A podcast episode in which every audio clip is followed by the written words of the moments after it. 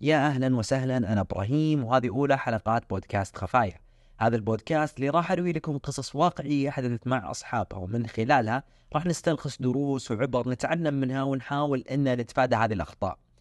راح نتكلم اليوم عن موضوعنا هو الاحتيال الرقمي. إيش هو الاحتيال الرقمي؟ هو أي نوع من أنواع الخدع أو الحيل اللي تستخدم الإنترنت ويكون وسيط فيها. قد تتعرض له بأشكال مختلفة أنت أو أي أحد من أهلك أو من يعز عليك. واليوم راح نتكلم عن أحد أشكال الاحتيال الرقمي واللي راح يكون معنا بالقصة شخصين خالد ومحمد. وتنويه قبل ما نبدأ أن الأسماء المذكورة غير حقيقية وهي أسماء مستعارة. في البداية حاب أعرفكم عن نفسي. أنا خالد وعمري 32 سنة من منطقة عسير من المملكة العربية السعودية.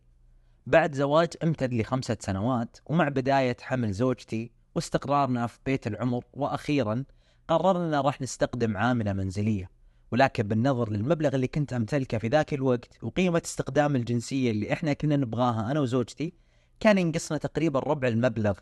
وبعد بحث وتحري عن أسعار السوق واستشارة الأصدقاء والمقربين مني اكتشفت حل ممكن كان يخفض التكلفة ولكنه متعب شوي من ناحية البحث.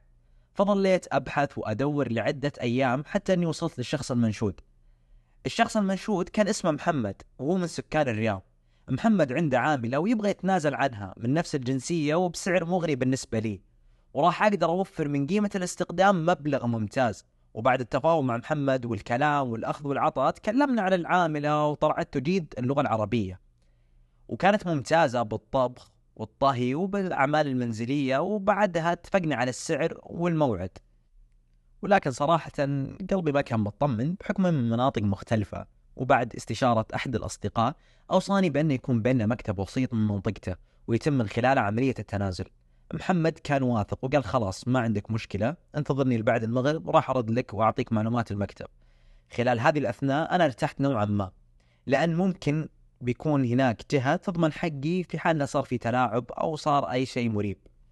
بعد المغرب بنص ساعة وصلتني رسالة من محمد فيها معلومات المكتب من موقع وغيره من تفاصيل. موقع في جوجل ماب وغيره من التفاصيل قال لي محمد لو حاب تنزل للرياض نتقابل في هذا المكتب أو أننا ننهي الإجراءات وأنت في بيتك عن طريق مساند. أنا ترددت لثواني ولكني رحت. قبل لا أرد عليه رحت أبحث عن مساند وأشوف إيش هو. مساند طلع أنها هي منصة وطنية مختصة بالاستخدام وتسهل الإجراءات وتقلل التكاليف. وتحفظ الحقوق. وأنا من هنا تطمنت وطلبت إنها تكون عن طريق مساند. قال لي محمد خلاص ما عندك مشكلة راح يتواصل معك صاحب المكتب ويبدا هو بالإجراءات. راح يطلب منك بعض المعلومات والتفاصيل الأخرى. بعدها فعلا تواصل بعد أقل من ساعة معاي المكتب وأخذ المعلومات والتفاصيل الأخرى. بعدها أرسل لي رابط لمساند وكان مطلوب إني أحط فيه النفاذ الوطني فكان هذا بالنسبة لي مصدر راحة. لما حطيت الهوية وكلمة المرور جاني الرمز على الجوال ودخلته وحطيته وبعدها دخلت على البوابة وهنا طلب مني بيانات وأشياء وتفاصيل وكان من ضمن هذه الأشياء بيانات بطاقتي البنكية وبحكم أنها منصة وطنية وموثقة ومرتبطة بنفاذ كنت واثق. فقمت وحطيت بطاقتي ومعلوماتي بشكل كامل وخلال خمس دقائق تقريبا بطاقتي تصفرت وصارت توصلني سحوبات مجنونة ومتتالية. صار رصيدي صفر. هنا تأكدت أن الموضوع مريب وحاولت أتواصل مع محمد ولكن ما كان يرد علي وحاولت أتواصل معاه وأتصل عليه وأرسل له في الواتس ولكن كان يطلع لي صح واحد. وهنا تأكدت أني طحت ضحية أو صرت ضحية لعملية احتيال ولكن ما يعني لا الشخص الأول ولا الأخير اللي أطيح فيها. فلذلك ما استحيت واستجمعت قواي وحاولت أتواصل مع أحد من معارفي اللي كان متخصص وفاهم في الأمور القانونية وقال لي إني أقوم بالتالي. أول شيء قال لي اتصل بالبنك وأطلب منهم ان يوقفون بطاقتك البنكية ويجمدون حسابك. وبعدها توجه لأقرب مركز شرطة وبلغهم بالعملية اللي صارت عشان ترجع الأموال. أو ممكن نحاول نلحق اللي نقدر نلحق منه. بعدها توجهت لأقرب مركز شرطة عشان أرفع بلاغ على محمد لعدة جرائم سواها منها تزوير موقع رسمي حكومي وأيضا السرقة والاحتيال وعدة قضايا كانت توجه ضده. بعد البلاغ والتحقيقات من قبل قسم الجرائم المعلوماتية وأخذهم كافة التفاصيل تبين معهم الآتي أن بعد ما تضغط على الرابط يفتح لك صفحة وهمية عبر الإنترنت تستخدم واجهات مشابهة للنفاذ وأيضا يكون خلفها شخص يستقبل هذه المعلومات عند إدخالك لها وبعدها هو يدخلها في نفاذ الحقيقي أو الأصلي وبعدها توصل لك أنت رسالة رمز تحقق فهو أصلا اوريدي قاعد مبرمج نفس الشكل في نفاذ فقاعد يطلع لك رسالة الرمز التحقق فلما تتدخل الرسالة اللي هو وصل أو وصلتك راح يدخل معك بشكل طبيعي فهنا يعطيك نوع من الموثوقية لأن الرسالة وصلتك على الجوال المربوط في نفاذ من دون أي تدخل منه أو من دون أي تدخل أو إنك تحط رقم جوالك فهذا يعطيك إن هذا فعلا موقع رسمي وخلال هذا الأثناء هو أصلا يكون مصمم واجهات تحاكي الواقع عشان يعزز هذه الثقة عندك في هذه الصفحة وبعدها يقدر يسحب بياناتك اللي يبغاها لأنك خلاص أنت قد وثقت فيه. وبعدها تكون بياناتك البنكية والحكومية بين يدينا لأنك أنت قاعد تدخل معلوماتك بعد الثقة. دخل المعلومات ايا كانت جهلا منك أو اعتقادا منك بأنها جهة حكومية وهي بالأساس ليست جهل بمعنى الفعلي بل هو أصلا ثقة إن أنت واثق في هذه الجهة الرسمية بس أنت ما عرفت كيف تتعاطى وإن أصلا الجهة الرسمية بالأساس ما تطلب أي معلومات بنكية أو خاصة فيك أو كلمات سر معينة.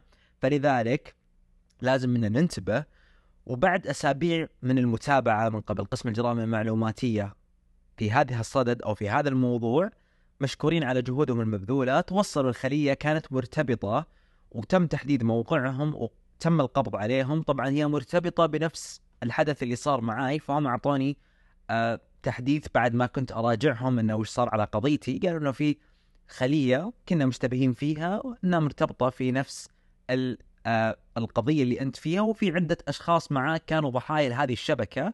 ولسه إحنا في إجراءات آه، قاعدين ناخذها معاهم وتحقيقات حتى نربط الأحداث بشكل كامل ونعرف من هو المتسبب هل هم أو أي طرف آخر. لكن على العموم المستفاد من هذه القصة أن اليوم الشخص لازم يكون حذر في التعامل والتعاطي مع شبكة الإنترنت ولازم يكون حريص جدا ومتأكد من أي رابط يدخله ويفضل أنه ما يدخل أي رابط من أي طرف أو جهة خارجية مرسلة له بالعكس يروح هو يبحث عنه إذا كان الموضوع مهم أو هو شيء حاب أنه يسويه يبحث بنفسه ويتأكد من موثوقية الموقع والرابط لأن الواحد اليوم يفكر في سبيل إنه ممكن يوفر مبلغ بسيط راح يخسر مبالغ كبيرة مثل اللي صار معاي أنا. والجدير بالذكر إنه النيابة العامة تقبض بشكل دوري على تشكيلات عصابية وخلايا.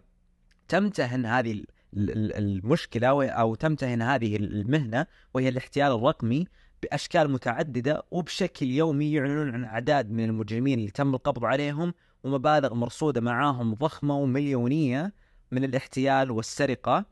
بالإضافة إلى جامعة نايف العربية ذكرت بأنه أكثر من 137 ألف عملية يومية تستهدف العرب بشكل خاص في مجال الاحتيال الرقمي وهذا يدل على أنه مجال ضخم جدا في وفي تعدد كبير في طرق الاحتيال والنصب والابتكار في في هالمجال وفي تعدد كبير جدا في في الطرق والذكاء المجرمين هذولا في كيف إنهم يختارون التعد آه، يعني مواكبة الأشياء الجديدة وتطورها آه، في هذا الصدد.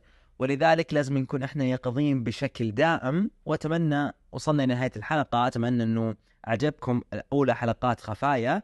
وأتمنى إنها نالت على رضاكم. ونبغى منكم تشاركونا في هاشتاج خفايا الاحتيال الرقمي. آه، قصص أو أحداث تعرضتم لها أو إنكم كنتم راح تتعرضون لها لو ما كنتم حذرين ومنتبهين وستر ربي عليكم. أتمنى انكم تشاركوا معي بالهاشتاج. حتى لو ما صار معاكم أي شيء أعطوني رأيكم بالقصة والأحداث اللي صارت مع خالد وشكرا لكم.